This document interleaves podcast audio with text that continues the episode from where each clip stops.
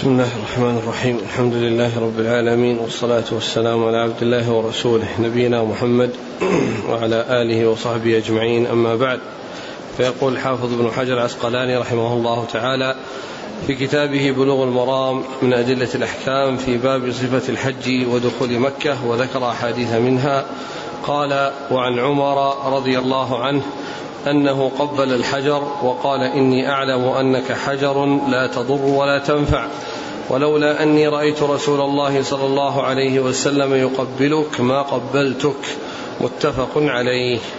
بسم الله الرحمن الرحيم. الحمد لله رب العالمين وصلى الله وسلم وبارك على عبده ورسوله نبينا محمد وعلى آله وأصحابه أجمعين. أما بعد فهذا الحديث عن عمر بن الخطاب رضي الله تعالى عنه آه، أورده الحافظ بن حجر في كتابه بلوغ المرام باب صفة الحج باب صفة باب صفة الحج ودخول مكة. هذا الحديث حديث عظيم يدل على أن المسلم عليه أن يستسلم وينقاد لكل ما جاء عن الله وعن رسوله صلى الله عليه وسلم سواء عرف الحكمة أو لم يعرفها. ولا يتوقف الأخذ بالدليل وبالحكم الشرعي على معرفة الحكمة بل عليه الاستسلام والانقياد. وإذا ظهرت الحكمة فإنه يزداد بذلك ثباتا ويقينا. لكن لا يكون الأمر متوقفا على معرفة الحكمة وإنما عليه أن يستسلم وينقاد عرف الحكمة أو لم يعرفها. وهذا الحديث يدل على هذا لأن عمر رضي الله عنه قال هذه المقالة عندما قبل الحجر الأسود وقال هذا لدفع لما كان يعتقده الجاهلية من أنهم يعظمون الحجارة ويعبدونها ويقدسونها فبين رضي الله تعالى وكان الناس حديث عهد وكان الناس حديث عهد بالجاهلية فبين رضي الله تعالى عنه وأرضاه أن فعل المسلمين لهذا إنما هو اتباع للرسول صلى الله عليه وسلم. اتباع للرسول عليه الصلاة والسلام وليس عبادة للأحجار كما يفعلها الجاهلية وإنما هو آه، عبادة لله عز وجل أمر بتقبيل هذا الحجر فيقبله الناس عرف الناس الحكمة أو ما عرفوها. ولهذا قال عمر رضي الله عنه أما إنك أني أعلم أنك حجر لا تضر ولا تنفع. لأن ولولا أني رأيت رسول الله صلى الله عليه وسلم يقبلك ما قبلته. إذا نحن لماذا نقبل الحجر؟ لأن النبي صلى الله عليه وسلم قبله. ولا لم يقبله ما قبلناه. ولهذا لا نقبل جدران الكعبة ولا نقبل الأركان كلها لا نقبلها.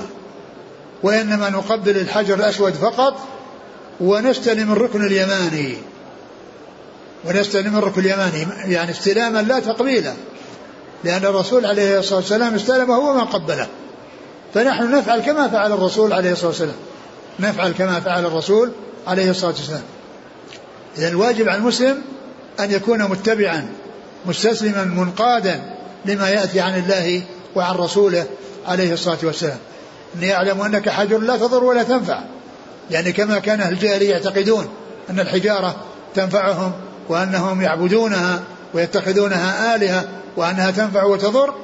يعني ليس عملنا مع الحجر الأسود يعني مثل عمل الجاهلية وإنما هو عمل فيه اتباع للشريعة التي جاء بها الرسول الكريم عليه الصلاة والسلام. ثم بين أنه قبله تقليدا اتباعا للرسول عليه الصلاة والسلام. قال ولولا أني رأيت رسول الله صلى الله عليه وسلم يقبله كما قبلته فإذا الكعبة لا يقبل منها إلا الحجر الأسود.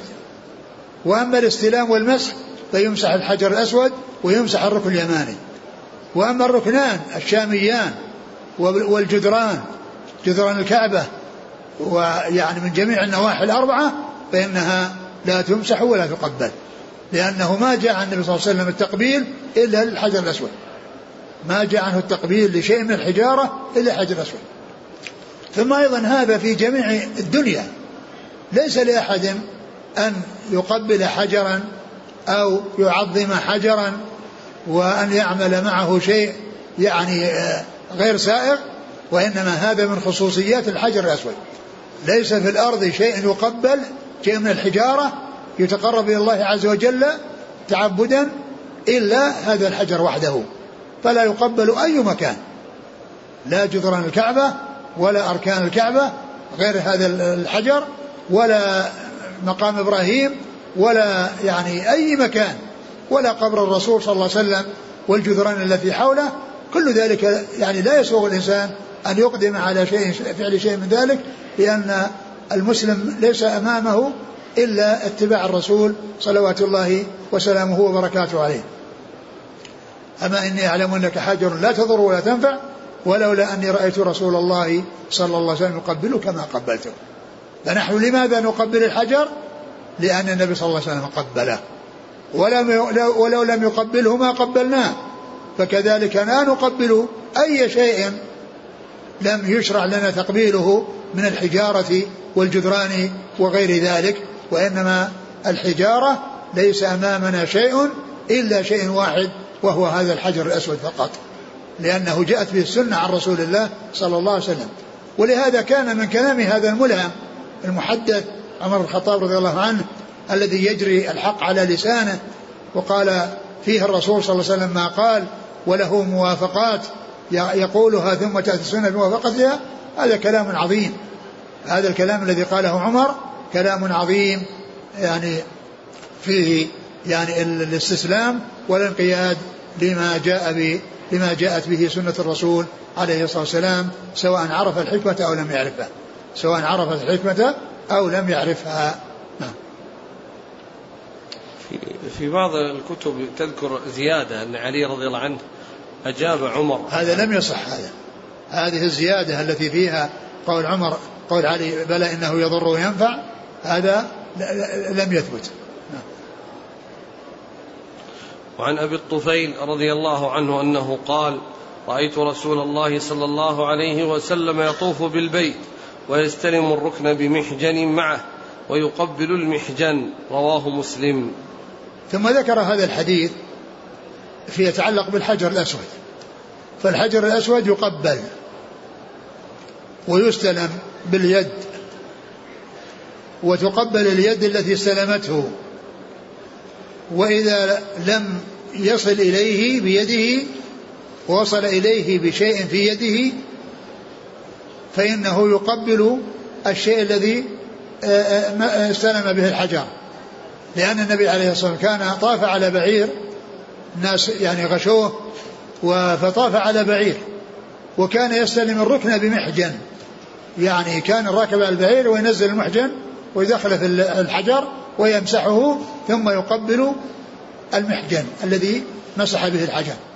فهذا يدلنا على أن الحجر يقبل وإذا لم يقبل واستلم باليد أو بشيء آخر فإنه يقبل ما استلم به فإنه يقبل ما استلم به. وإذا لم يحصل لا هذا ولا هذا يشير إليه ويكبر. إذا حداه يشير إليه ويكبر. هذه السنة عن رسول الله عليه الصلاة والسلام. إذا الحجر عندما يستلم يقبل ما استلم به سواء يدا سواء كانت يد أو محجن أو شيء أو عصا أو شيء آخر. لكن بشرط ألا يكون في ذلك إيذاء للناس. يعني الوصول إلى الحجر الأسود لا يشترط فيه ألا يكون في إيذاء لأن تقبيل الحجر واستلام سنة وإيذاء الناس حرام ولا يجوز ارتكاب الحرام للوصول إلى أمر مستحب. ولا يجوز فعل المحرم الذي هو إيذاء الناس من أجل الوصول إلى شيء مستحب. بل إن تيسر له بدون إيذاء لأحد قبل أو استلم وإن لم يحصل بسبب الزحام فإنه عندما يحاذيه يشير ويكبر يشير إليه ويكبر. هذه سنة الرسول صلوات الله وسلامه صلوات الله وسلامه وبركاته عليه. ف وفي هذا أيضا دليل على يعني الطواف راكبا عند الحاجة إلى ذلك و وكذلك فيه أن البعير أن روثه طاهر وبوله طاهر وذلك أن الرسول عليه الصلاة والسلام أدخل البعير للمسجد للطواف عليه ومن المعلوم أن البعير يحصل منه آه، الروث ويحصل منه البول ولو كان روثه نجسا وبوله نجسا لما عرض المسجد لأن تقع فيه النجاسة فدل هذا على طهارة بول البعير وعلى طهارة روثه ومثل ذلك كل كل ما يؤكل لحمه. كل ما يؤكل لحمه فإن روثه وبوله طاهر. ومما يدل على ذلك أن الرسول عليه الصلاة والسلام قال في حق العرانيين الذين جاءوا واستوبوا المدينة أرسلهم إلى إبل صدقة يشربون من أبوالها وألبانها. ولو كان البول نجسا أبوال الإبل نجسة ما ما أذن لهم بشربها لأنه لا يشرب البول النجس ولا يتداوى بحرام. فدل ذلك على طهارة تلك الأبوال والأرواح وهذا الذي معنا هو من أدلة ذلك لأن أنه أنه يترتب على دخول البعير المسجد أن يبول ويحصل منه الروث وإذا ولو كان نجسا معناه أنه يعرض المسجد للنجاسة. لكن ذلك يدل على طهارة يعني أبوالها وأرواثها ومثل ذلك كل ما كان مأكول اللحم مثل البقر والغنم والطيور وال يعني ال يعني والظباء والغزلان وكذا كل من كل ما كان مأكول اللحم فروثه وبوله فروثه وبوله طاهر. وإنما الذي يعني نجس هو ما كان يعني محرم الأكل كالحمير والبغال يعني وغيرها. وأما ما كان مأكول اللحم ومن ذلك الخيل. الخيل مأكولة اللحم وفيكون بولها وروثها طاهر. نعم. وعن على بن أمية رضي الله عنه قال طاف النبي صلى الله عليه وسلم مطبعا ببرد أخضر رواه الخمسة إلا النسائي وصححه الترمذي. ثم ذكر الاطباع هذا الحديث في الاطباع والاطباع هو أن يجعل المحرم رداءه وسطه تحت إبطه الأيمن ثم يلقي طرفه على الكتف الأيسر فتكون يده اليمنى مكشوفة من الكتف إلى آخرها إلى الأصابع مكشوفة من أولها إلى آخرها لأنه وضع الرداء من تحت الإبط وألقي على الكتف الأيسر فهذه سنة سنها رسول الله صلى الله عليه وسلم وهي الاطباع والاطباع لا يكون إلا في الطواف الأول الذي يأتي به الإنسان وهو محرم سواء كان معتمرا في جميع أيام السنة أو يكون حاجا مفردا أو قارنا ويطوف طواف القدوم. فهو يشرع في الطواف الأول الذي يأتي به المحرم أو يأتي به المحرم سواء كان معتمرا أو قارنا أو مفردا إذا دخل مكة فيبدأ بالطواف ويفعل الاطباع ويفعل الرمل أيضا الذي مر بنا في الحديث السابق أو الحديث السابقة وهو أنه يرمل ثلاث أشواط من الحجر إلى إلى الحجر. يرمل يعني يمشي مشيا يعني سريعا مع مقاربة الخطى. أما الاطباع فإنه يكون في جميع الأشواط السبعة من أول الشوط الأول إلى نهاية الشوط السابع. وإذا فرغ من الطواف يعني وقبل أن يعني يصلي خلف المقام بعدما يفرغ من الشوط السابع يعيد الرداء على كتفيه. وهذه الحالة التي هي وضع الرداء على الكتفين تفعل في جميع أحوال الإحرام من حين الإحرام إلى نهاية الإحرام. ولا يفعل الاطباع إلا عند الطواف الأول الذي يصل به إلى مكة يعني طواف القدوم في حق القارن والمفرد وطواف العمرة في حق المعتمر. ولا تفعل هذه الهيئة في جميع الأحوال سواء كان الإنسان في الطريق أو في عرفة أو في منى أو في مزدلفة. ما دام أنه محرم فإن الرداء على الكتفين يكون, يكون على الكتفين ولا يستثنى من ذلك إلا الطواف الأول. يفعل فيه هذا الاطباع يفعل فيه هذا الاطباع والرمل عرفنا في درس مضى أن الحكمة فيه أنه كان في الأصل من أجل إظهار الجلد والقوة أمام المشركين الذين قالوا إن أن الذين جاءوا من المدينة مع النبي صلى الله عليه وسلم وهنتهم الحمى حمى يثرب فأمرهم الرسول عليه الصلاة والسلام أن يرملوا ليظهروا له لهم قوتهم وجلدهم وهذا كما قلنا في الدرس الماضي يدخل تحت قوله صلى الله عليه وسلم الحرب خدعة. وقد عرفنا أيضا أنه في عمرة القضاء أمرهم بأن يرملوا وأن يمشوا ما بين الركنين اليمانيين لأن الكعبة تحجب آه، تحجب الكفار الذين قالوا هذه المقالة لأنهم من الجهة الشمالية من جهة من جهة الحجر. أو من جهة الحجر فإذا آه، صاروا بين الركنين وسترتهم الكعبة عن هؤلاء. أمرهم النبي أن يمشوا يعني إبقاء عليهم ورفقا بهم صلوات الله وسلامه وبركاته عليهم. لكنه في حجة الوداع رمل من الحجر إلى الحجر. إذا هذه سنة تتعلق بالطواف الأول. سنتان يتعلقان بالطواف الأول. الرمل بالثلاث الأشواط الأول والاطباع. والاطباع في الأشواط السبعة كلها. وقيل في وجه مشروعية الاطباع أنها أنه كان أقوى كان في الأصل أقوى لهم بأن يتحركوا وأن يعني يصير أنشط لهم. ف وبقي هذا الحكم كما بقي الرمل وبقي هذا الحكم الذي هو الطباع كما بقي الرمل. وهذا فيه أنه صلى الله عليه وسلم طبع برداء أخضر. وهذا يدلنا على أن الإنسان يلبس ما شاء من الألبسة إزارا ورداء يعني يعني في جميع الألوان لكنه لا يفعل شيء يختص بالنساء أو فيه تشبه بالنساء وإن كان الأبيض هو الأولى وإن كان اللون الأبيض هو الأولى إلا أن تلك الأشياء الأخرى سائغة مثل ما جاء في هذا الحديث أنه كان أنه كان رداؤه أخضر صلوات الله وسلامه وبركاته عليه.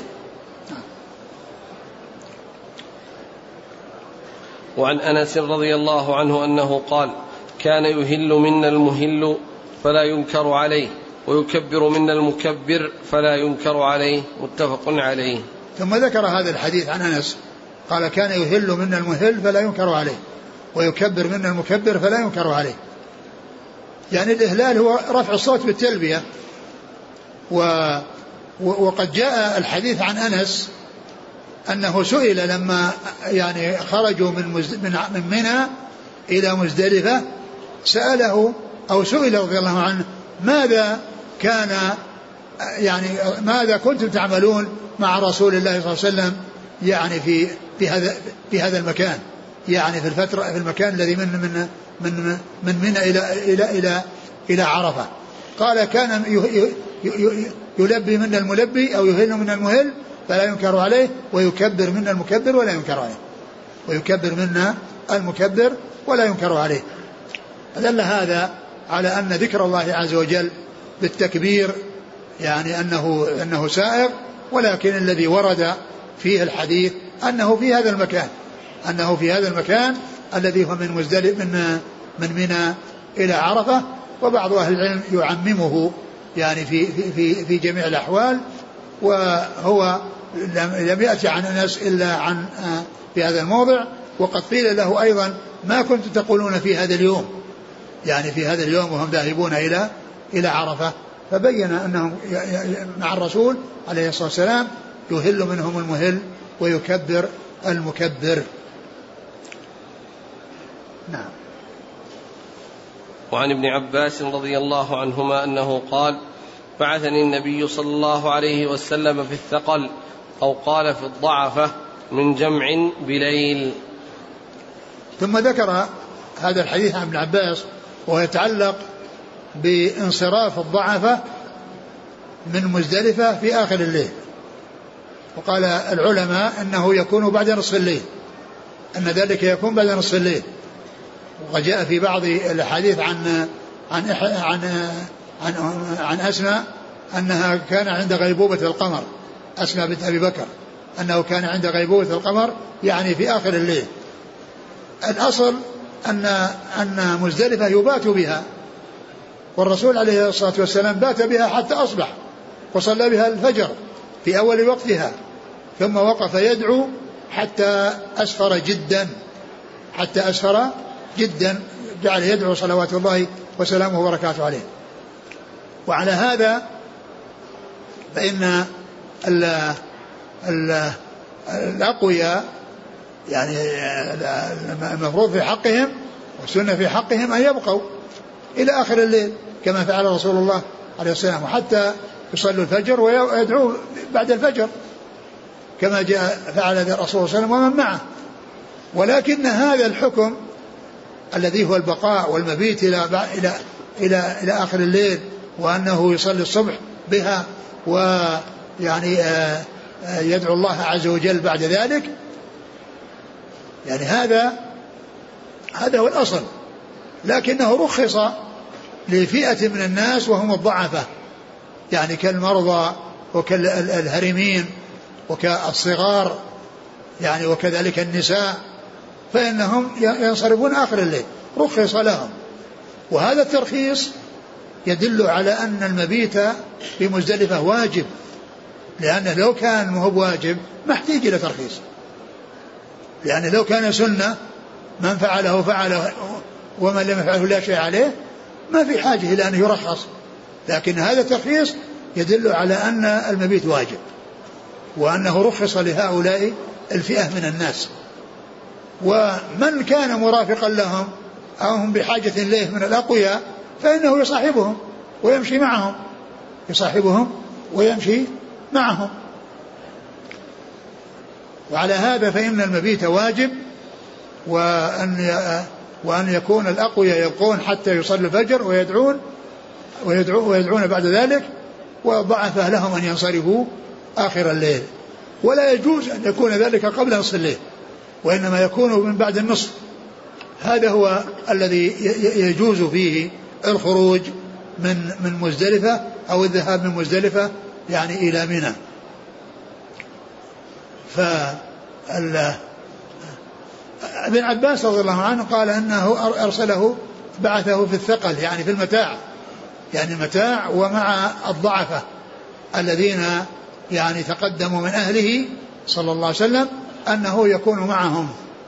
وهو أيضا كما هو معلوم صغير لأنه في حجة وداع قارب الاحتلام كما جاء في الحديث عنه الذي سبق أن مر بنا أنه كان راكبا على آتان وقال إني إن كنت قد يعني يعني يعني قاربت ناهزت الاحتلام.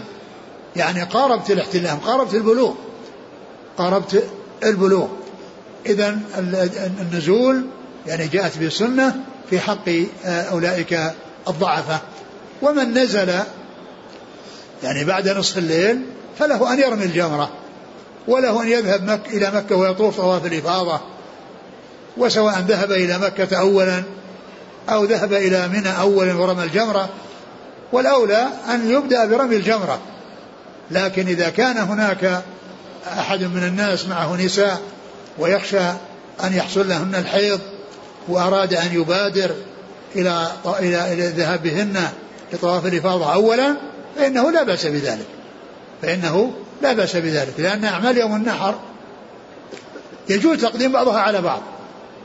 يجوز تقديم على بعضها على بعض. فمن كان بحاجة إلى أن يبدأ بالطواف في آخر الليل يفعل.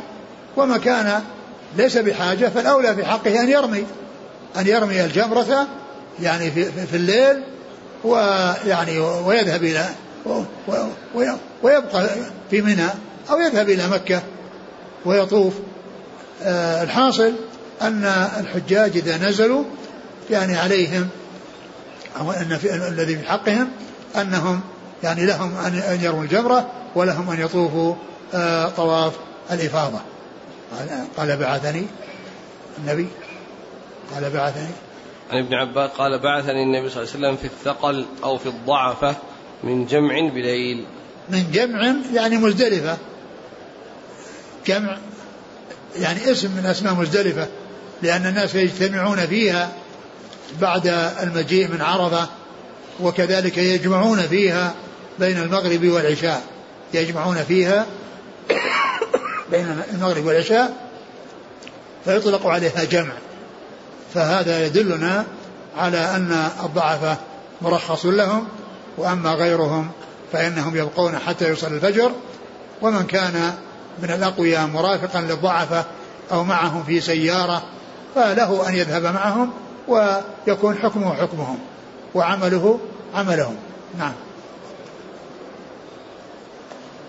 وعن عائشة رضي الله عنها أنها قالت استأذنت سودة استأذنت سودة رضي الله عنها رسول الله صلى الله عليه وسلم ليلة المزدلفة أن تدفع قبله وكانت ثبطة يعني ثقيلة فأذن لها متفق عليه. وهذا الحديث عن عن عن عائشة في قصة سودة وأنها استأذنت أن تتقدم قبله تذهب وترمي الجمرة وتسبق الزحام الشديد الذي يكون عند الانصراف من مزدلفة إلى منى. أذن استأذنت أن تنزل وأن تتقدم مع الذين تقدموا من الضعفة وكانت ثبطة أي أنها ثقيلة فأذن لها رسول الله صلى الله عليه وسلم. وهذا يدلنا على أن النساء وكذلك من كان هرما من الرجال ومن كان مريضا ومن كان من الصبيان فإن هؤلاء من الضعفة ويرخص لهم بالنزول بعد نصف الليل. نعم. وعن ابن عباس رضي الله عنهما أنه قال قال لنا رسول الله صلى الله عليه وسلم لا ترموا الجمرة حتى تطلع الشمس. رواه الخمسة إلا النسائي وفيه انقطاع.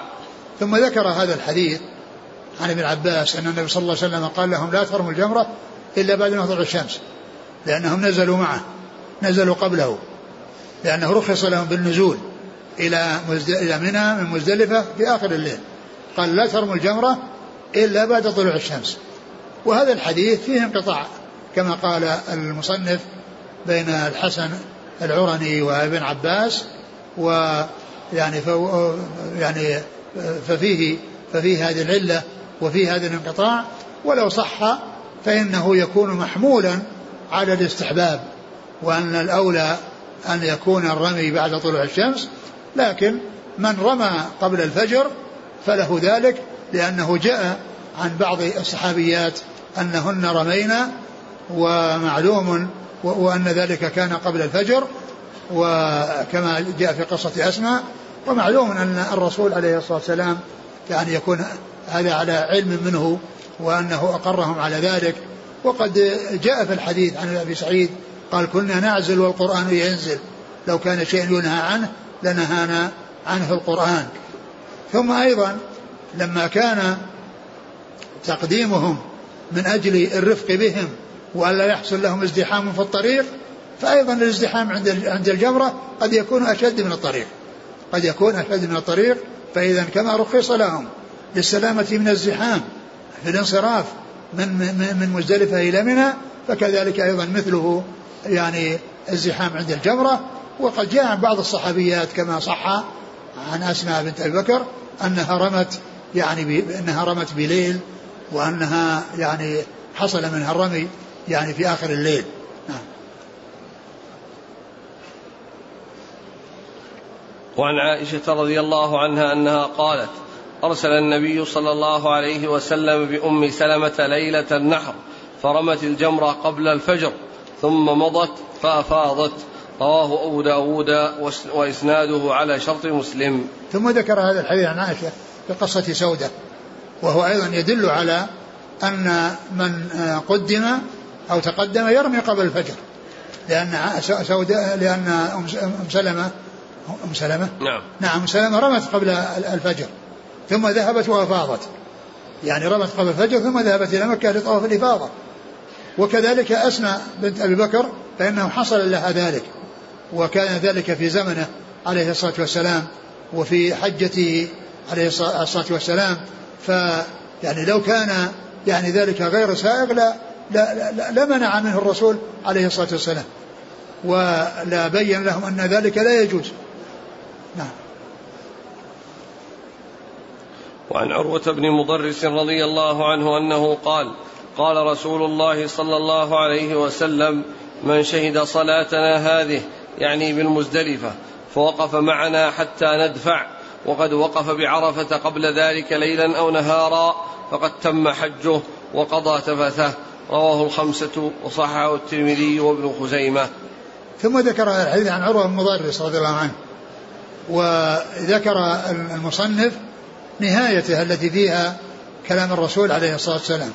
لكن كلام الرسول عليه الصلاة والسلام كان مبنيا على سؤال من عروة بن مضرس لأنه جاء متأخرا وذهب إلى عرفة وصار يتنقل يعني فيها يعني ما قال تركت ما تركت حبلا من الحبال إلا وقفت عليه لأنه لا يعني لا يدري أين يكون الوقوف هل هو في مكان معين؟ فكان يمشي ويتجول في في عرفة وفي أرض عرفة يعني يريد أن أن يدرك الوقوف الذي هو ركن من أركان الحج.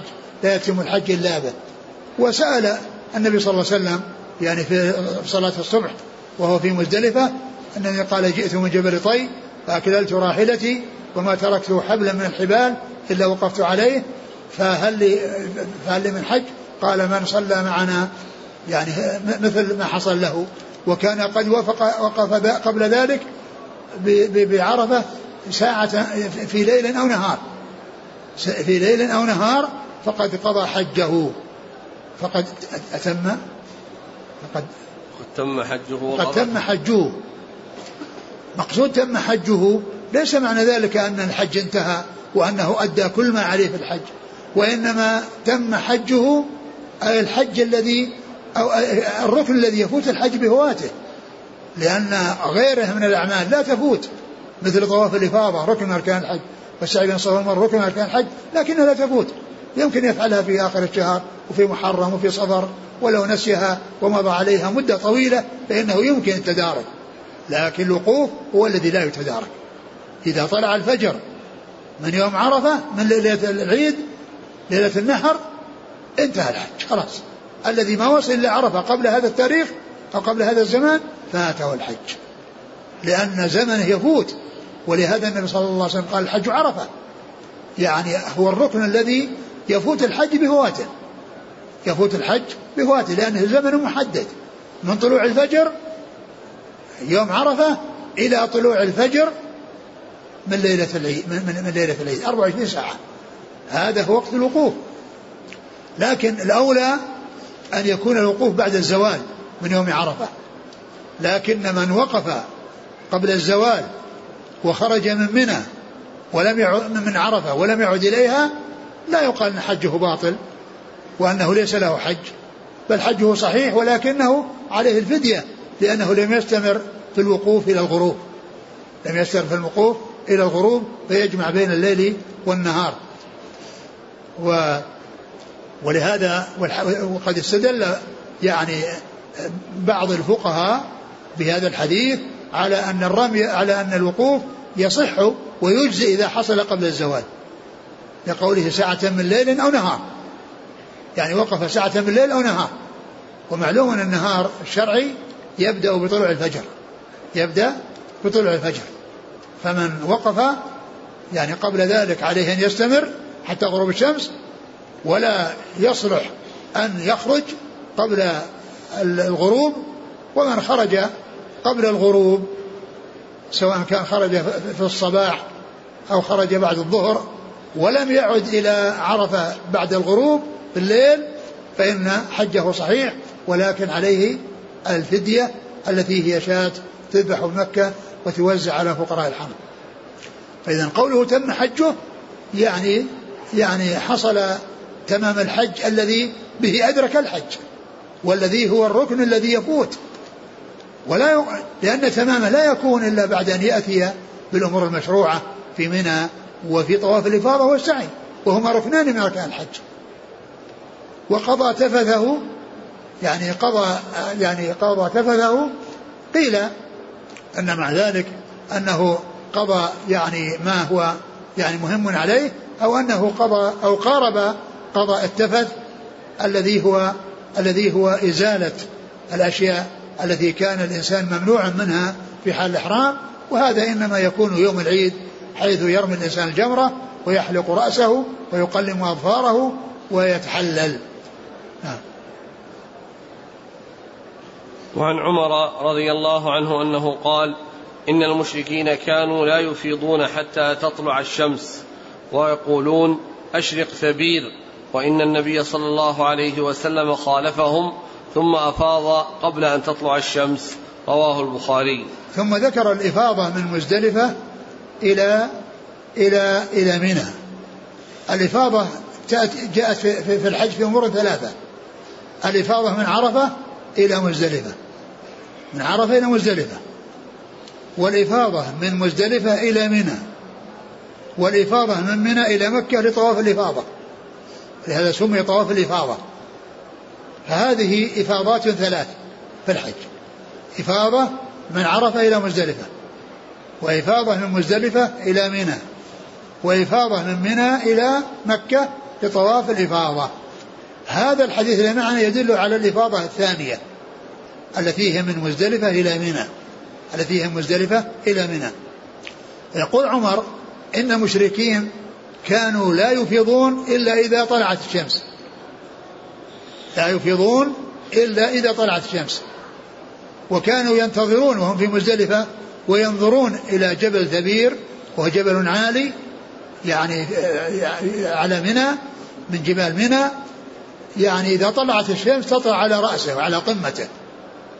يعني فهم ينظرون إلى رأس الجبل متى تطلع الشمس؟ فإذا رأوا الشمس على رأسه وعلى قمته خلاص انطلقوا وأفاضوا. فالرسول صلى الله عليه وسلم خالفهم فخرج قبل أن تطلع الشمس. أفاض قبل أن تطلع الشمس. مخالفة لهم وهذا يدل على أن المسلمين يعني يخالفون الكفار سواء كانوا يعني من عبدة الأوثان أو سواء كانوا من أهل الكتاب فلا يتشبهون بهم ولا يماثلونهم. ولهذا الرسول صلى الله عليه وسلم خالفهم. وبقي وبقي يعني آآ آآ يعني آآ يعني خرج قبل طلوع الشمس. والكفار لا يخرجون منها إلا إذا طلعت على جبل ثبير إذا ظهرت الشمس أول ما تطلع تظهر على على على قمة الجبل. فهم ينظرون إلى الجبل ويقولون أشرق ثبير أشرق ثبير يعني يعني ليس المقصود أنهم أن ثبير يشرق وإنما يأتي الإشراق على قمته فهم يقصدون التمني يتمنون أن يظهر ضوء الشمس أو آه، الشمس على على قمته لينطلقوا. فهو ليس من الأمر وإنما هو من التمني. يعني تمني أن تطلع الشمس لأنها إذا طلعت أول ما تطلع على قمته. أشرق كبير. يعني في بعضها كيما نغير يعني ننطلق إلى إلى منى. يعني آه، آه، في هذه الحال.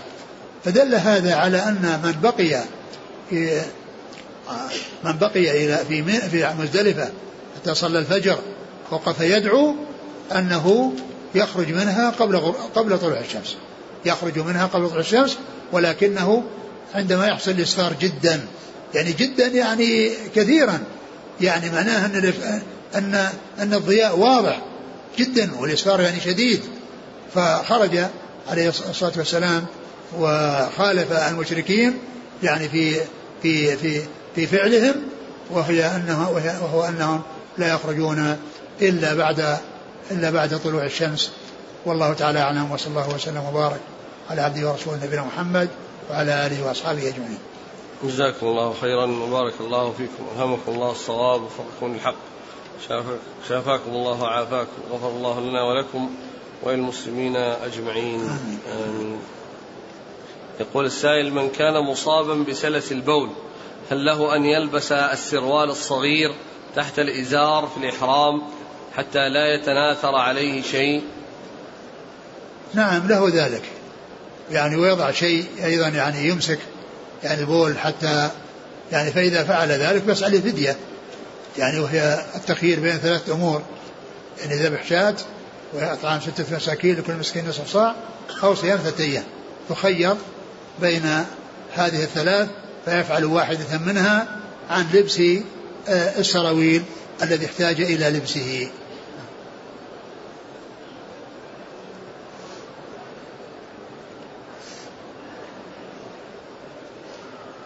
يقول ما الفرق بين المسح والاستلام؟ مسح الحجر أو الركن واستلام الحجر أو الركن؟ ما لا فرق بينهما يعني هو الاستلام يعني كونه يعني يضع يده عليه ويمسحه والمسح هو كونه أيضا يمسح النتيجة واحدة. يعني يمسح ال يمسح الركن اليماني و ويمسح الركن الحجر الأسود. يعني يستلم الحجر الأسود يستلم الركن اليماني. يعني المعنى واحد. هل مفهوم حديث ابن آه، مضرس أن من ترك الوقوف بعرفة أو ترك أو فاتته الصلاة بمزدلفة صلاة الفجر يعتبر لم يتم حجه؟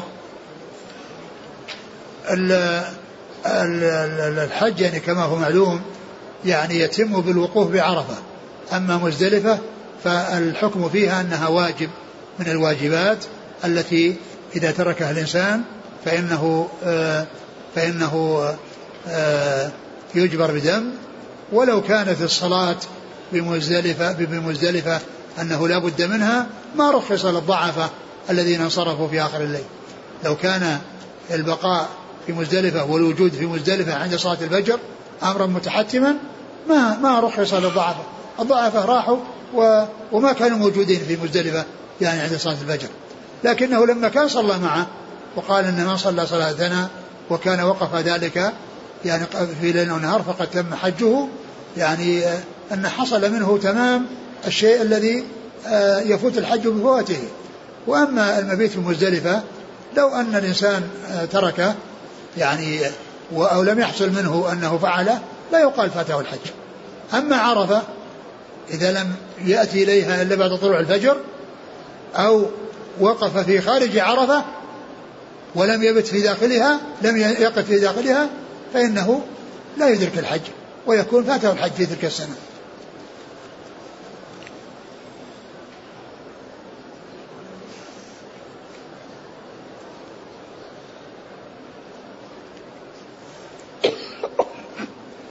يقول إذا ثبت أن شخصا ينحدر من سلالة الرسول صلى الله عليه وسلم فهل يعتبر اليوم من آل البيت؟ نعم من آل البيت هم هم نسل الرسول صلى الله عليه وسلم. آل البيت هم نسل الرسول صلى الله عليه وسلم. وكذلك أيضا يعني آه نسل آه يعني أهل البيت لأن أهل البيت ليسوا محصورين في نسله صلى الله عليه وسلم. بل آل البيت يعني آه أولاده وكذلك أعمامه وبني أعمامه. يعني يعني كل هؤلاء يعني من أهل البيت لأن أهل أهل البيت يعني هم نسل عبد المطلب. كل من كان من نسل عبد المطلب وهو مسلم فهو يعتبر من أهل البيت. وعليه يقول هل يستثنى من قبول الصدقة لا شك. يعني يعني الصدقة لا تحل لآل محمد. لا تحل لمحمد ولا لآل محمد. وآل محمد هم زوجاته وكل مسلم ومسلمة من نسل عبد المطلب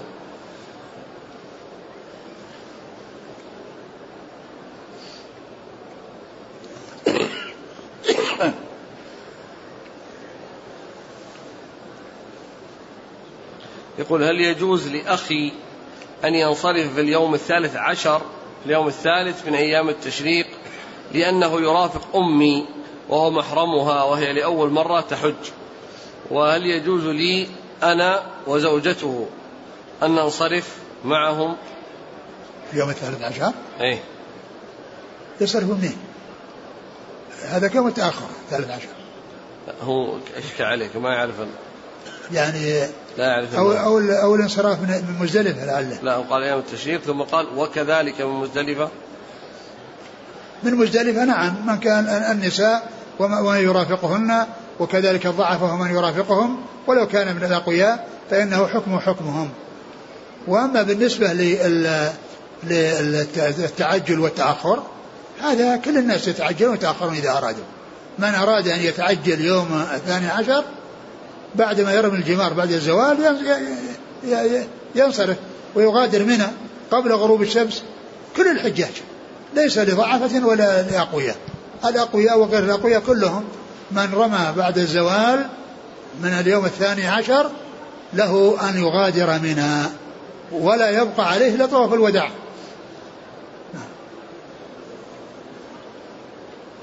من أفاض من عرفة ووصل مزدلفة قبل دخول وقت العشاء. هل له أن يصلي الجمع أو ينتظر حتى يدخل وقت العشاء. الإنسان إذا وصل إلى مزدلفة إما أن يصلها قبل دخول وقت العشاء أو بعده. فإن وصل إليها قبل وقت دخول العشاء يجمع جمع تقديم. وإن وصل بعد دخول العشاء يجمع جمع تأخير وهو من حين يصل يجمع. يصلي جمعا. إن كان قبل دخول العشاء فجمع تقديم. وإن كان بعد الدخول جمع تأخير من حين ما يصل ما فيه ما في فرق بين كونه آه، قبل دخول وقت العشاء وبعده النتيجة واحدة. من حين يصل يجمع. إلا إذا كان وصوله لا يكون إلا بعد نصف الليل فهذا يصلي في الطريق. وليس له أن يأخر الصلاة عن وقتها. لكن من وصل قبل نصف الليل فله أن يجمع بين المغرب والعشاء إن كان قبل آه، آه، دخول وقت العشاء فهو جمع تقدير تقديم وإن كان بعده وهو جمع تأخير. يسأل عن حكم الشرب قائما. الأولى عدمه وإن شرب قائما جاز.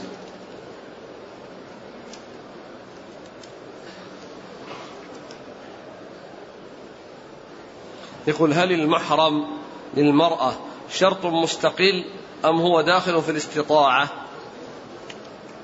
هو هو طبعا من الاستطاعة لكنها تختص بالمرأة لأن الاستطاعة وهي القدرة البدنية والقدرة المالية ويعني آآ آآ يعني هذا لجميع الحجاج لكن المرأة تزيد شرطا سادسا خاص بها وهو وجود المحرم وهو من الاستطاعة. لأن التي عندها قدرة مالية وقدرة بدنية وليس عندها محرم تعتبر غير مستطيعة. تعتبر غير مستطيعة فلا تسافر الحج لكنه يعتبر في حد ذاته خاص بالمرأة. فإذا توفرت جميع الشروط التي تتوفر في الرجال هي تزيد شيئا على الرجال وهو وجود المحرم.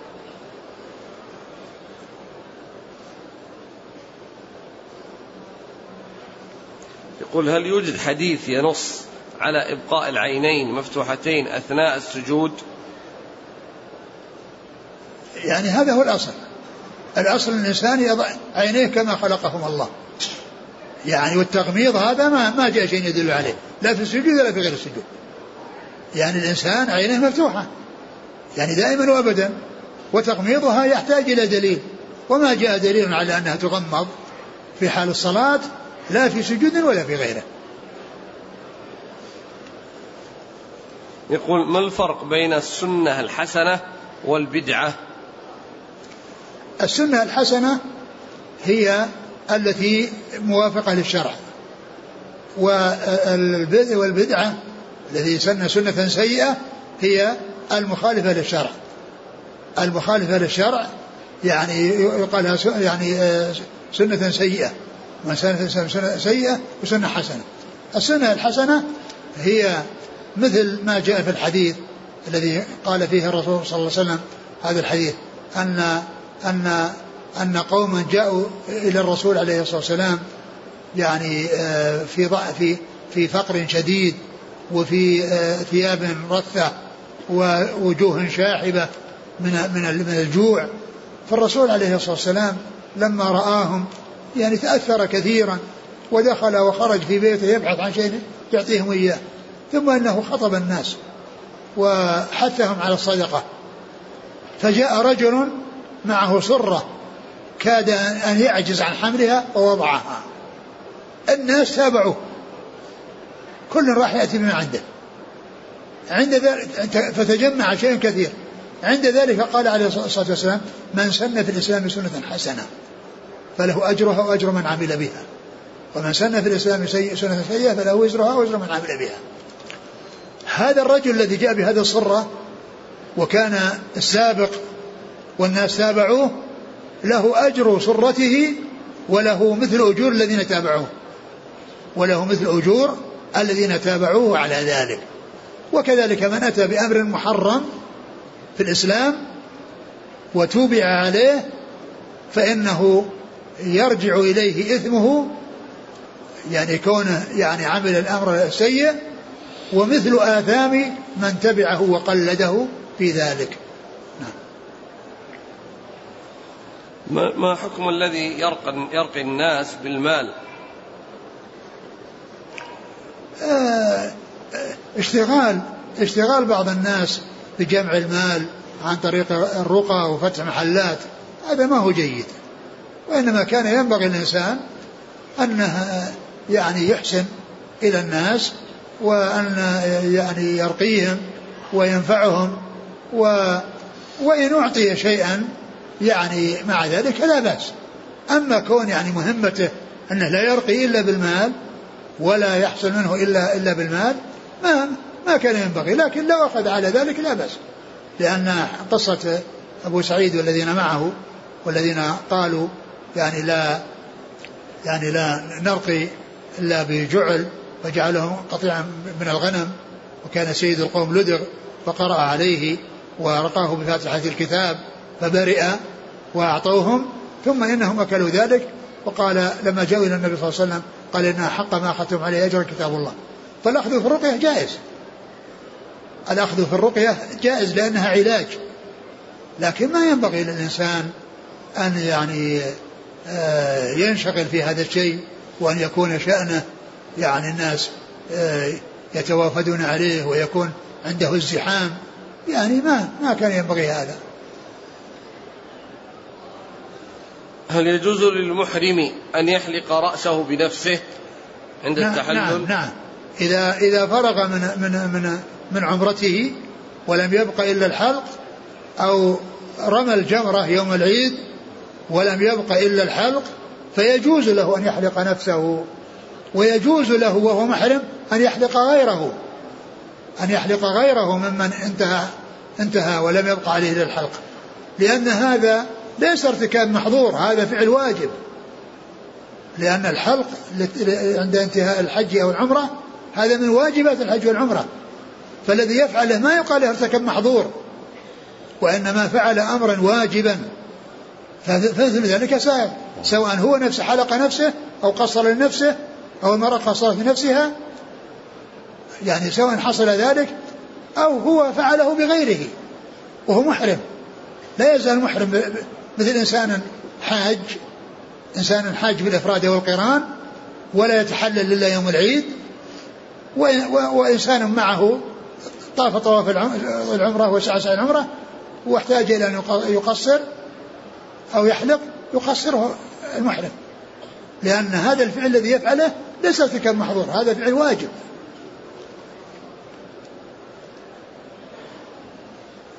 يقول أريد أن أحج هذا العام إن شاء الله وعلي دين. لكن الذي يعني لا يجوز في مثل هذا هو رمي الجمار.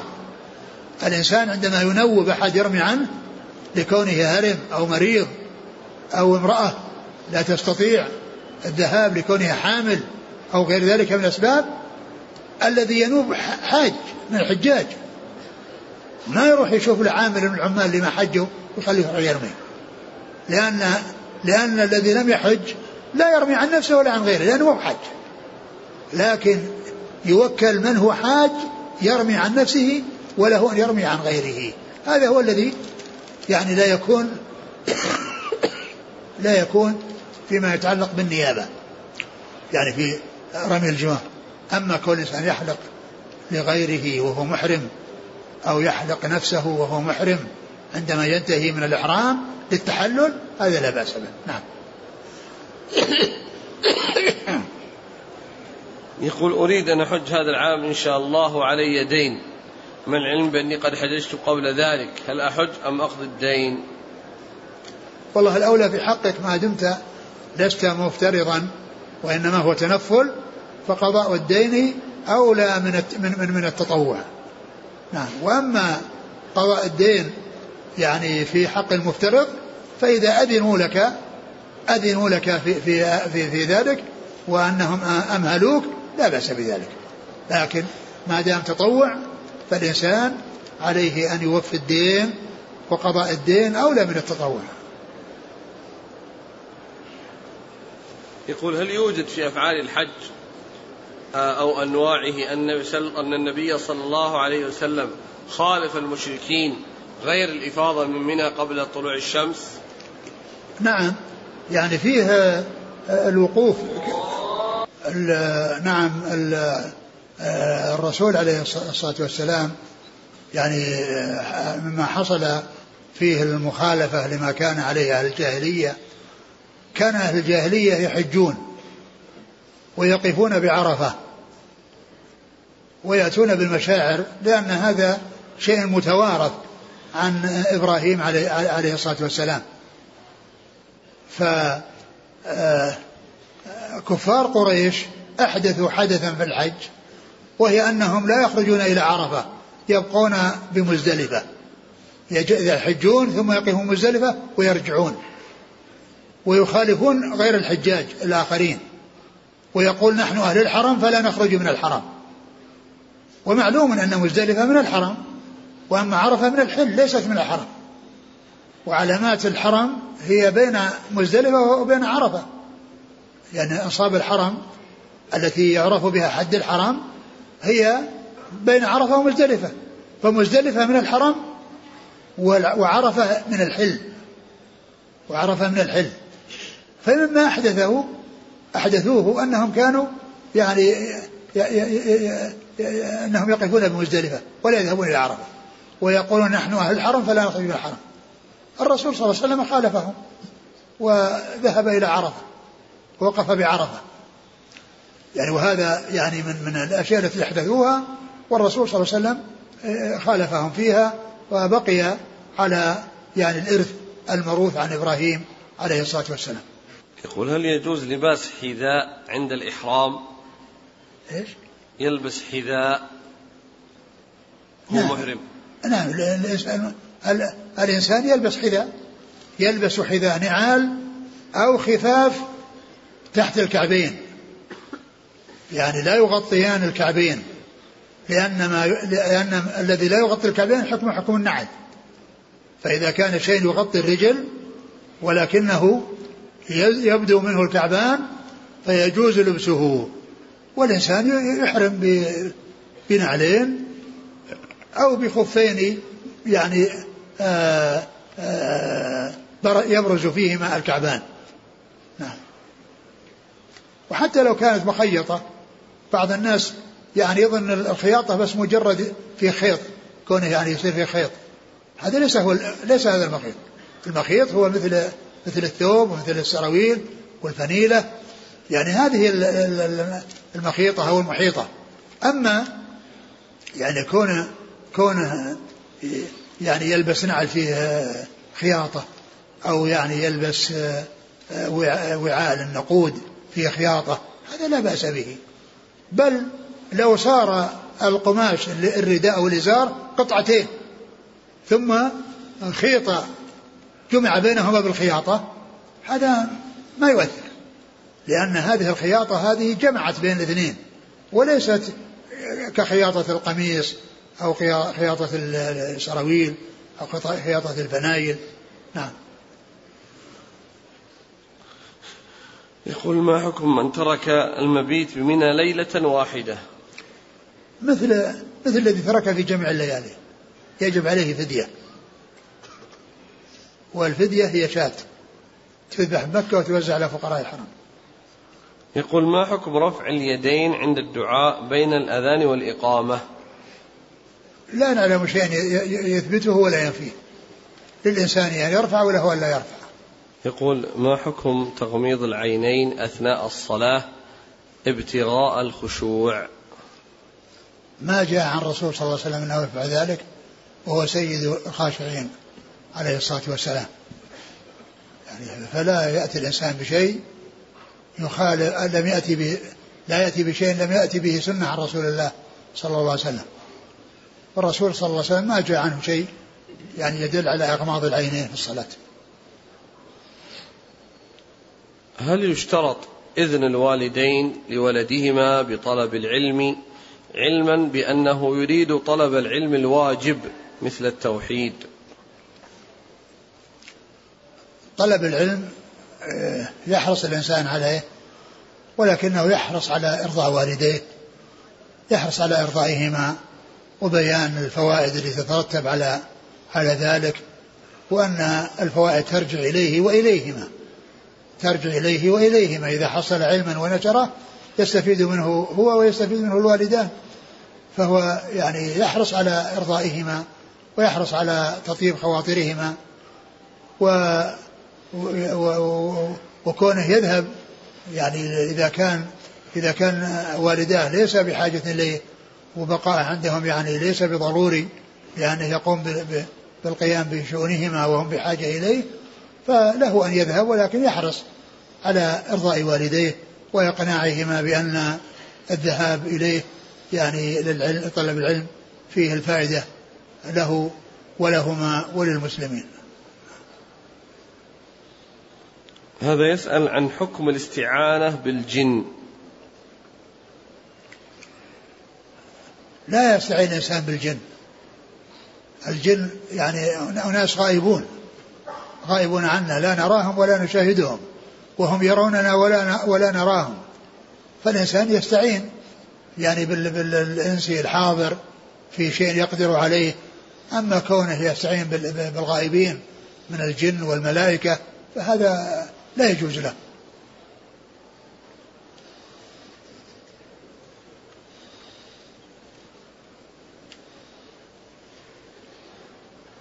يقول هل يجوز أن يقال إن الحجر الأسود حجر مبارك لأنه من الجنة؟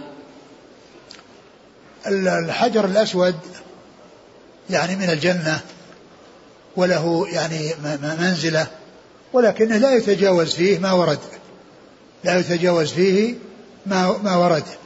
والناس عندما يعني يفعلون ذلك لا يفعلون ذلك تبركا وإنما يفعلون اتباعا للسنة. أن ولهذا لا يمسح الإنسان الحجر ويمسح به رأسه. لا يجوز ذلك.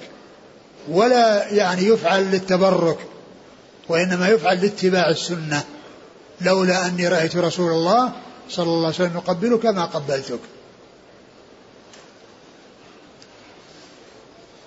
يقول كنت مسؤولا في إحدى البلديات وكنت أعارض كل كل ما رأيته مخالفا للقانون الخاص بالبلدية. اتفق زملائي على تنحيتي عن المسؤولية التي كنت أمارسها وعندي ملف أود إرساله إلى تلك أود إرساله إلى وزارة الداخلية لهذه الدولة وهذا الملف يؤدي إلى يقول هلاكهم إذا تم تطبيق القانون عليهم. السؤال هل أرسل هذا الملف الخاص بهذه المجاوزات والتعديات أم أترك الأمر لله؟ أعد. يقول كنت مسؤولا في إحدى البلديات وكنت أعارض كل ما رأيته مخالفا للقانون الخاص بالبلدية. فاتفق زملائي على تنحيتي عن المسؤولية التي كنت أمارسها. وعندي ملف أود إرساله إلى وزارة الداخلية لهذه الدولة. وهذا الملف يؤدي إلى هلاكهم إذا تم تطبيق القانون عليهم. الأولى في حقك ألا تفعل. يعني انصحهم وادعو لهم بالهداية وأما كونك يعني تعمل يعني شيء يؤدي إلى يعني آه، الحاق الضرر بهم. سواء كان ضررا بالغا أو غير بالغ من عفا وأصلح فأجره على الله.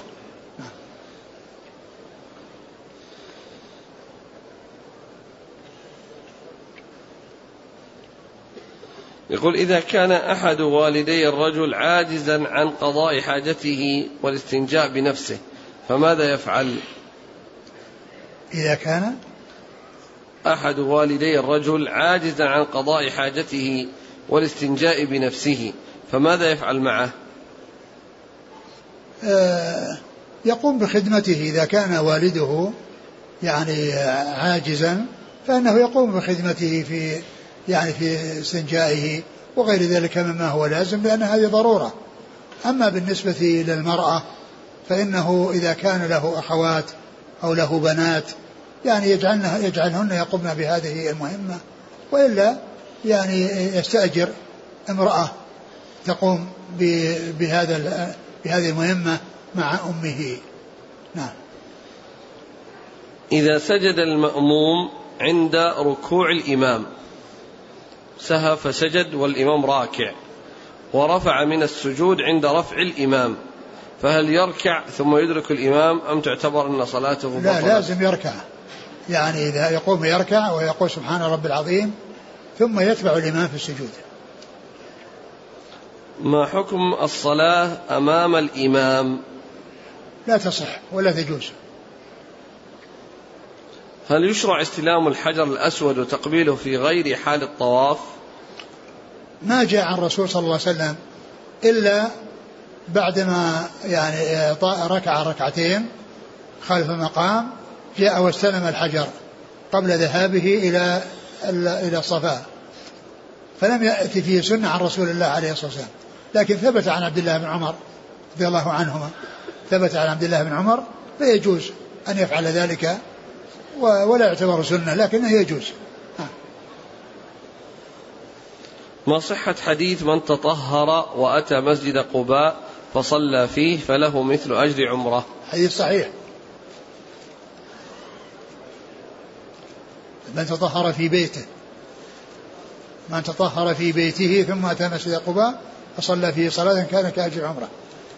يعني معنى ذلك أنه يتوضأ في بيته ويخرج من بيته قاصدا إلى قباء كالذي يستعد للعمرة ويخرج من بيته ويذهب معتمرا. أما إنسان يمشي في الطريق ورأى مسجد قباء يعني وقال يعني ننزل ونصلي ركعتين هذا ليس لا, لا يحصل هذا الأجر. هل الوقوف عند الصخرات في عرفة يعد من الاتباع والإقتداء بالنبي صلى الله عليه وسلم؟ هذا أولا لا يتيسر لكل أحد. لا يتيسر لكل أحد. والمهم أن الإنسان يقف في عرفة في أي مكان ويعني يكون آه، يكون آه، أدى الواجب في ذلك ولا يشغل نفسه بالذهاب يعني للبحث لأنه أولا لن يحصل هذا المكان. لن يحصل هذا المكان ولو آه، ولو ذهب الناس إليه وقصدوه فإنه يحصل عند ذلك يعني زحام شديد ولكن هذا لا يتيسر.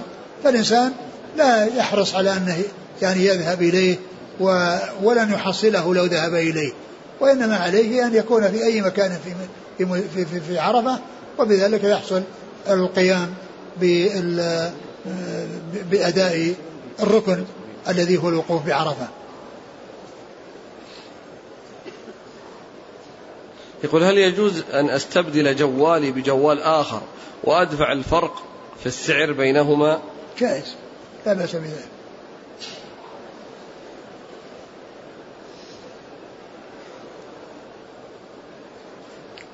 يقول ما حكم تقبيل يد ورأس الوالد أو الوالدة أو الشيخ أو كبير السن؟ لا بأس بذلك. أقول لا بأس بذلك. لكن لا يحرص على التقبيل. تقبيل الأيدي. أقول لا يحرص عليه. وإذا فعل مع الوالد أو الوالدة آه، يعني آآ آه، آآ آه، ومن له مكانه ومنزله وتقبيل اليد لا ينبغي أن يحرص عليه. ولكن إذا قبل الرأس مثل ما جاء في حديث عائشة أن أمها لما نزلت براءتها قالت قومي فقبلي رأس رسول الله صلى الله عليه وسلم. ومعلوم أن الرسول كانوا يقبلون يده عليه الصلاة والسلام لكن لا ينبغي أن يعني يتخذ ذلك عادة مع غيره لأن هذا يؤدي إلى الفتنة. افتتان الذي يقبل يده وافتتان من يقبل. أما إذا كان لوالديه أو يعني أو تقبيل الرأس يعني لا بأس بذلك. وأما اليدين ما ينبغي أن يحرص على تقبيلهما. يقول أحسن الله إليك كيف نقول أن النبي صلى الله عليه وسلم آه، رمل ثلاث أشواط ومشى أربعة في الحج؟ وقد علمنا بأنه طاف راكبا على ناقته القصواء لا هذا ما طاف في طواف القدوم. هذا ما طاف في طواف القدوم. هذا طاف يعني أحد الأطوفة. يعني وأما هو رمل من الحجر إلى الحجر هو نفسه. الرسول رمل من الحجر إلى الحجر. هل الأفضل أن أدعو الله مباشرة أو أسأل أحدا من الصالحين أو عالما أن يدعو لي؟ أبدا ادعو الله مباشرة. يعني ليس بينك وبين الله واسطة. الله عز وجل قال ربكم ادعوني أستجب لكم. والإنسان لا يكون مهمته أن يطلب من الناس أن يدعوا له. وما الذي يمنعه أن يدعو الله عز وجل؟ وأن يلجأ إليه وأن يفزع إليه وأن يلح عليه في الدعاء. عليه أن يكون هو نفسه داعيا. ما يكون شأنه ادعوا لي ادعوا لي ادعوا لي يأتي الناس ادعوا لي ادعوا لي آه. هل يجوز القول في بدء الطواف اللهم إيمانا بك ووفاء بعهدك وتصديقا بكتابك واتباعا لسنة نبيك؟ ما أتذكر يعني في يعني آه، أقول ما أتذكر يعني في, في هذا شيء من حيث الثبوت لا أدري. امرأة حجت العام الماضي وطافت طواف الإفاضة وهي حائض رجعت إلى بلادها. ماذا عليها الآن؟ إذا كانت جاهلة أو كانت مستحية من أبيها. أعد. امرأة حجت العام الماضي طافت طواف الإفاضة وقد رجعت وهي حائض رجعت إلى بلادها. ماذا عليها الآن؟ لا يصح الطواف لا يصح الطواف من المرأة الحائض. إلا إذا كانت استفتت يعني أحدا من العلماء وأفتاها بهذا أما كونها تقدم على هذا الشيء يعني إما حي أو ما إلى ذلك يعني فليس لها ذلك وطواف الإفاضة باق عليها وعليها أن ترجع وتطوف طواف الإفاضة. يقول عندنا شيخ يقول إن إبليس كافر بالله تعالى لكنه كان يؤمن بتوحيد الربوبية فقط. هل كلامه صحيح؟ إبليس هو قدوة الكفار. كل كافر فقدوته إبليس. وكل مبتدع ومنحرف عجاد قدوة إبليس. فإبليس هو رأس الشر وهو أساس الشر وهو الذي يفسد على الناس دينهم وهو الذي يعني يضلهم هو جنوده الذين يقومون بخدمته. نعم هو هو مقر بالربوبيه وعصى الله عز وجل لما أمره بالسجود. عصى الله لما فأبعده الله عز وجل عن رحمته وبقي طريدا وآل على نفسه أن يغوي الناس ومهمته إغواء الناس لأنه من أهل النار ومقدمة أهل النار ويريد أكثر يكثر الهالكون معه ويريد أن يكثر الهالكون معه. ومثل هذا الكلام من التكلف ما ليس الإنسان يشغل نفسه إبليس هو هو رأس الكفار وهو أصل الكفار وهو أصل البلاء وكل بلاء يحصل الناس فهو من إغوائه ومن إفساده. يقول أنا أنوي الحج متمتعا وأنوي مغادرة مكة إلى جدة بعد أداء العمرة بعد أداء العمرة والتحلل أذهب إلى جدة ثم أعود إلى مكة قبل يوم التروية. هل علي شيء؟ إذا ليس عليك شيء لا بأس بذلك أبدا. ليس عليك شيء إذا انتهيت من العمرة تذهب إلى جدة ثم ترجع إلى مكة. يقول في بلدنا يعتقدون أن من لم يطف بضريح الأولياء في تلك المنطقة قبل الحج فحجه باطل. يعني يمكن أن يكون طوافه هو الذي يبطل حجه. يعني طوافه بالأضرحة وعبادة المقبورين هذا هو السبب في كون حجه لا يكون مقبولا. لأنه مشرك بالله عز وجل. فإذا كان طاف يعني بأولئك تعظيما لهم أو رجاهم أو دعاهم وما إلى ذلك فهذا هو الشرك بالله عز وجل. هذا هو الشرك الذي هو شرك الكفار الذين يعبدون غير الله عز وجل ويدعون غير الله سبحانه وتعالى. وهذا يكون سببا في عدم قبول الحج وعدم صحة الحج. لأنه ما دام أنه يعتقد أن أن أن أن أن, أن, أن أصحاب القبور يعني يطاف بقبورهم ويدعون ويستغاث بهم فهذا هو الكفر الذي لا يصح معه حج ولا يصح معه أي عمل. هل يجوز بيع الذهب بالآجل والتقسيط؟ فيبيع. لا يجوز. لا يجوز بيع الذهب بالذهب والفضة بالفضة إلا مثلا بمثل ويدا بيد. ولا يجوز التأجيل. لا يجوز التفاضل ولا التأجيل. الذهب لازم يصير بذهب مثله وبقدره ولا بد أن يكون بالتقابض. أما إذا اختلف النوع ذهب مع فضة فلا بد من التقابض والتفاضل لا بأس به. التفاضل جائز بين الذهب والفضة لأنهما نوعان ولكن التقابض أمر لا بد منه. وإذا ولا يجوز الإنسان أن يبيع ذهبا يعني آجلا أو يبيع فضة آجلة وإنما لا بد من التقابض يعني عند البيع. يقول أنا مقيم في فرنسا وعملي لا يسمح لي أن أصلي صلاة الجمعة حيث أنني أشتغل يوم الخميس والجمعة والسبت. ينبغي للإنسان أن يعمل عملا أو يكون في عمل يؤدي فيه ما أوجب الله عليه. يؤدي فيه ما أوجب الله عليه.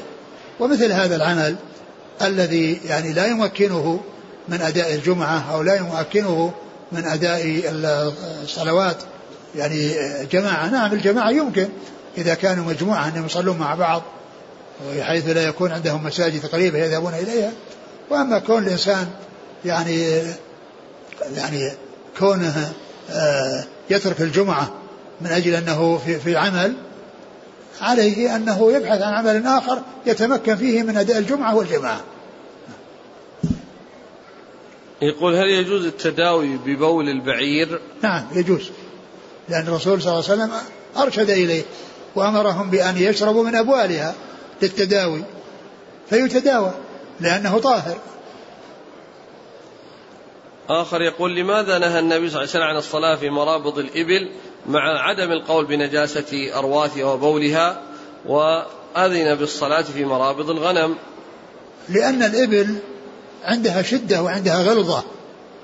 فلو أن إنسانا صلى في مرابضها في معاطنها وجاءت إليه أو أنها كانت عنده وصلى عندها وحصل لها جفال تهلكه. تهلك يهلك. إذا حصل شيء يجفلها ويخليها تفر أبد تطأه وتهلكه. فالمقصود من ذلك يعني ما فيها من الشدة والغلظة وما يترتب عليه من المضرة يعني بسببها. لا أن لها نجسة هي طاهرة معاطنها لأن أبوالها طاهرة. ولكن الفرق بينها وبين الغنم الغنم يعني يعني أمرها سهل ولا تؤثر على الرجال لو حصل لها يعني نفور. وأما الإبل إذا نفرت تهلك من حولها. تهلك من حولها. نعم. يقول فضيلة الشيخ معي رفقة أتينا للحج فهل يجوز أن أدعو عند الطواف بالبيت وعند الصفا والمروة وهم يؤمنون على دعائي؟ السنة أن كل واحد يدعو لنفسه. يدعو لنفسه فلا آه، آه، وأعطهم بعض الكتب التي فيها الأدعية وخليهم يدعون. أما كونك تدعو وهم يؤمنون فالذي ينبغي أن كل واحد آه، يدعو بنفسه سواء معه كتابا يعني يدعو به أو يعني يقرأ قرآن أو يدعو بما تيسر له من أدعية ولا يكون مهمته أن الناس يجتمعون وفيهم واحد يصوت بهم وهم يؤمنون وراءه. يقول فضيلة الشيخ هل يجوز تقبيل المصحف؟ وهل فعله الرسول صلى الله عليه وسلم أو الصحابة؟ هل هناك أثر يدل على ما أعلم ما أعلم شيء يدل على ذلك. ما حكم صيام يوم عرفة للحاج؟ الأصل أن يوم عرفة إذا صامه غير الحجاج فهو أفضل يوم يصام لأنه ثبت عن النبي صلى الله عليه وسلم أنه قال يكفر السنة الماضية والسنة الآتية. وأما بالنسبة للحجاج فالأفضل في حقهم أن يكونوا مفطرين اقتداء برسول الله صلى الله عليه وسلم لأنه كان وقف مفطرا ولم يكن صائما. والإفطار في ذلك اليوم فيه فائدة عظيمة وهي أنه يوم عظيم يحتاج الناس إلى استغلاله بالدعاء والإقبال على الله عز وجل وذكره والصيام يكون معه كسل ويجلب النوم وقد يفوت الفرصة على على على صاحبه. يعني كونه يعني صام يجيه النوم بعدين ينام في هذه هذه الساعات الثمينة النفيسة. وإن لم ينم يصير في كسل وخمول. فلهذا شرع أن يكون الإنسان مفطرا. والنبي صلى الله عليه وسلم وقف مفطرا. فهو القدوة والأسوة عليه الصلاة والسلام. و ولهذا الصحابة رضي الله عنهم لما كانوا في عرضة وكان واقفا على ناقته تحدث الصحابة هل هو صائم أو مفطر؟ أحد يقول صائم أحد يقول مفطر. فكان ما, ما كان من من لبابة بنت الحارث الهلالية زوجة العباس بن عبد المطلب أم الفضل إلا أن فعلت فعلا بين تبين للناس بسببه أنه مفطر. فأخذت قدحا من لبن وقالت ناولوه إياه. إن كان صائم ما هو بشارب. وإن كان مفطرا شرب. فناولته إياه فشرب والناس يرون فعرفوا أنه مفطر وعرف بهذا أن السنة في حق الحجاج في عرفة أن يكونوا مفطرين ليكون أنشط لهم وليكون أمكن لهم من الدعاء والاستغفار والإقبال على الله عز وجل. هل يجوز تأجيل الهدي إلى اليوم الثاني نعم ويجوز إلى اليوم الثالث أيضا. نعم. الحج عن الميت. لكن التبكير والمبادرة أولى. وأيام أيام والهدي يذبح في جميع الأيام الأربعة يوم العيد والحادي عشر والثاني عشر والثالث عشر ليلا ونهارا. في الليل وفي النهار.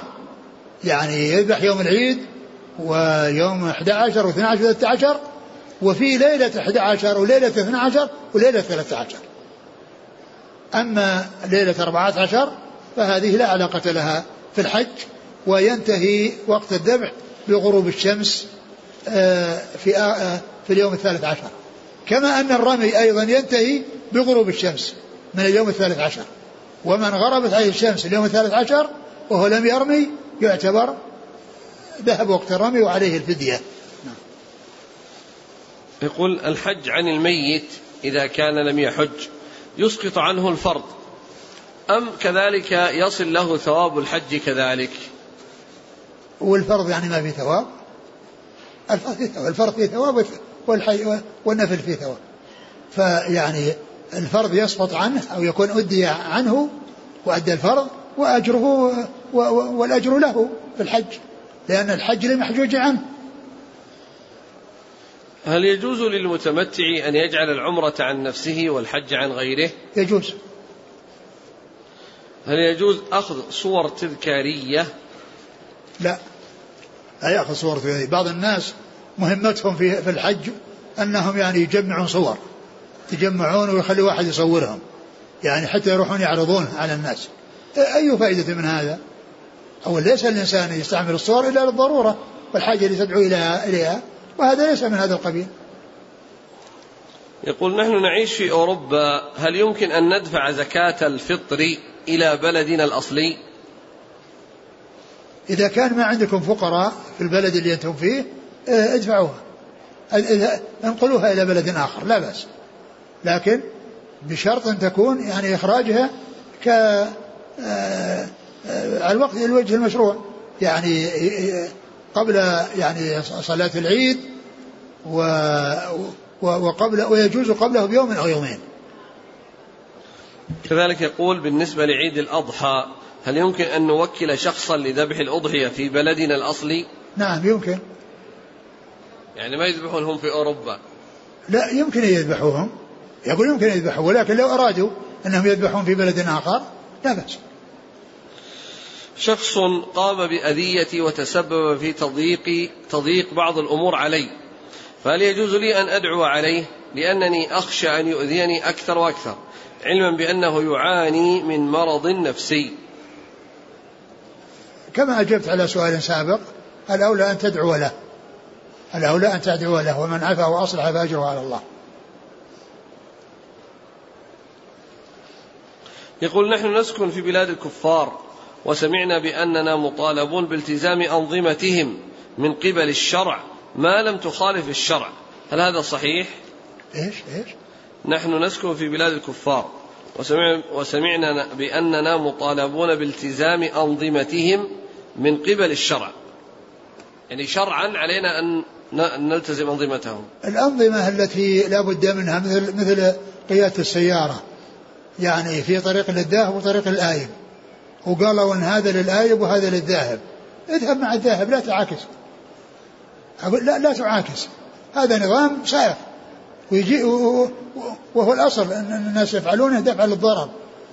فلا تعاكس لكن الأنظمة التي فيها مخالفة للشرع ويترتب على ذلك يعني أنهم يلزمونك بشيء يعني محرم هذا هو الذي لا يسوق أما يعني شيء يعني مثل ما ذكرت نظام المرور فيما يتعلق بكون الإنسان يعني يمشي مع خط ذاهب ولا يعاكس الطريق هذا في كل مكان هذا هذا أمر شائع ومطلوب. والذي يخالفه يعني يعني آه، قد يتهم في عقله. يقول أريد أن أحج هذا العام حج الفريضة على نفقة والدي حفظه الله. لكن والدتي غير موافقة وهي مصرة على رأيها. أن لا أحج هذا العام دون مبرر شرعي. تقول تحج إن شاء الله السنة الجاية. آه إذا كان الإنسان أن يحصل يعني حج أو والده أمكن أن يحججه فإنه يحج ووالده يقنعها قبل أن يذهب. وإن ذهب وإن ذهب يعني و فيرضيها بعد ذلك يأتي لها بشيء. يعني طيب خاطرها يأتي لها بهدية نفيسة وهدية ثمينة. و وكذلك قبل ذلك ينبغي له أن يحرص على إقناعها وإرضائها لأن هذا فرض فرضه الله عليه وقد تمكن منه والإنسان يؤدي الفرض يعني ولكن إرضاء الوالدين مطلوب لكن لا يقال إنه لا يحج وقد قدر وتمكن من الحج ولكن الذي ينبغي له ارضاء إرضاءه نعم. هل يجوز تأسيس جمعية؟ هدفها الدعوة إلى الكتاب والسنة على فهم السلف الصالح. هذه الجمعية لها رئيس وأعضاء مع العلم بأنه لا يسمح لأهل السنة إقامة الدروس والمحاضرات في المساجد إلا لمن يوافق أهواءهم. يوافق أهواءهم؟ إذا كان إذا كان بلد فيه جمعيات مخالفة للسنة وأراد أهل السنة أن يكونوا جمعية يعني يقومون بسببها بالنفوذ إلى الناس وأنهم يقومون بالدعوة إلى الله عز وجل فإن هذا شيء مطلوب لا بأس هذا شيء طيب. يعني يترك المجال للبعيدين عن السنة يعني يسرحون ويمرحون ويضلون الناس. يعني أهل السنة يعني كونهم يكونون لهم جماعة ما دام البلد فيه جماعات ويعني في, في, في غير سليمة وفيها القريب من الحق والبعيد عنه وأولئك يريدون أن يكونوا جمعية للدعوة إلى الكتاب والسنة والسير على ما كان سلف الأمة. هذا أمر مطلوب. يقول هل يجب على المرأة الاغتسال بعد الجماع من غير إنزال؟ نعم ال ال إذا حصل الإيلاج ولو يحصل إنزال كل واحد عليه أن يغتسل. إذا حصل يعني الإيلاج والتقاء الختانين فإنه لو حتى ولو لم ينزل كما جاء في الحديث. وإن لم ينزل ف ف ف يعني إذا جلس من شعر ثم جهدها فقد وجب غسل وإن لم ينزل.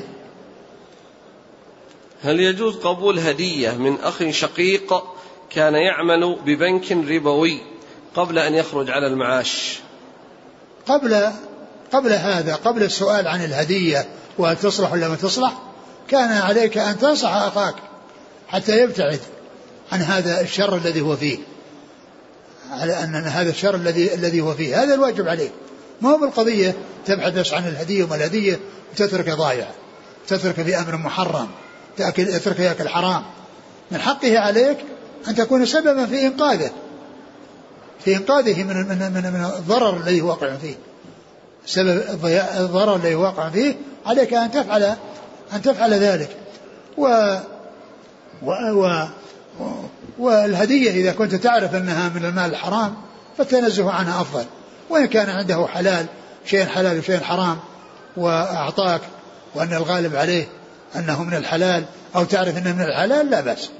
لكن المهم في الأمر أنك تكون سببا في هدايته وسلامته. هل يشرع للزائر في المدينة أن يصلي في مسجد قباء أكثر من مرة أثناء إقامته في المدينة؟ جائز. الرسول كان يذهب إليه كل سبت. كل سبت أحيانا راكبا وأحيانا ماشيا ما الحكم لو كرر ذلك كل يوم؟ لو كرر ذلك ما في بأس. ما, ما في بأس.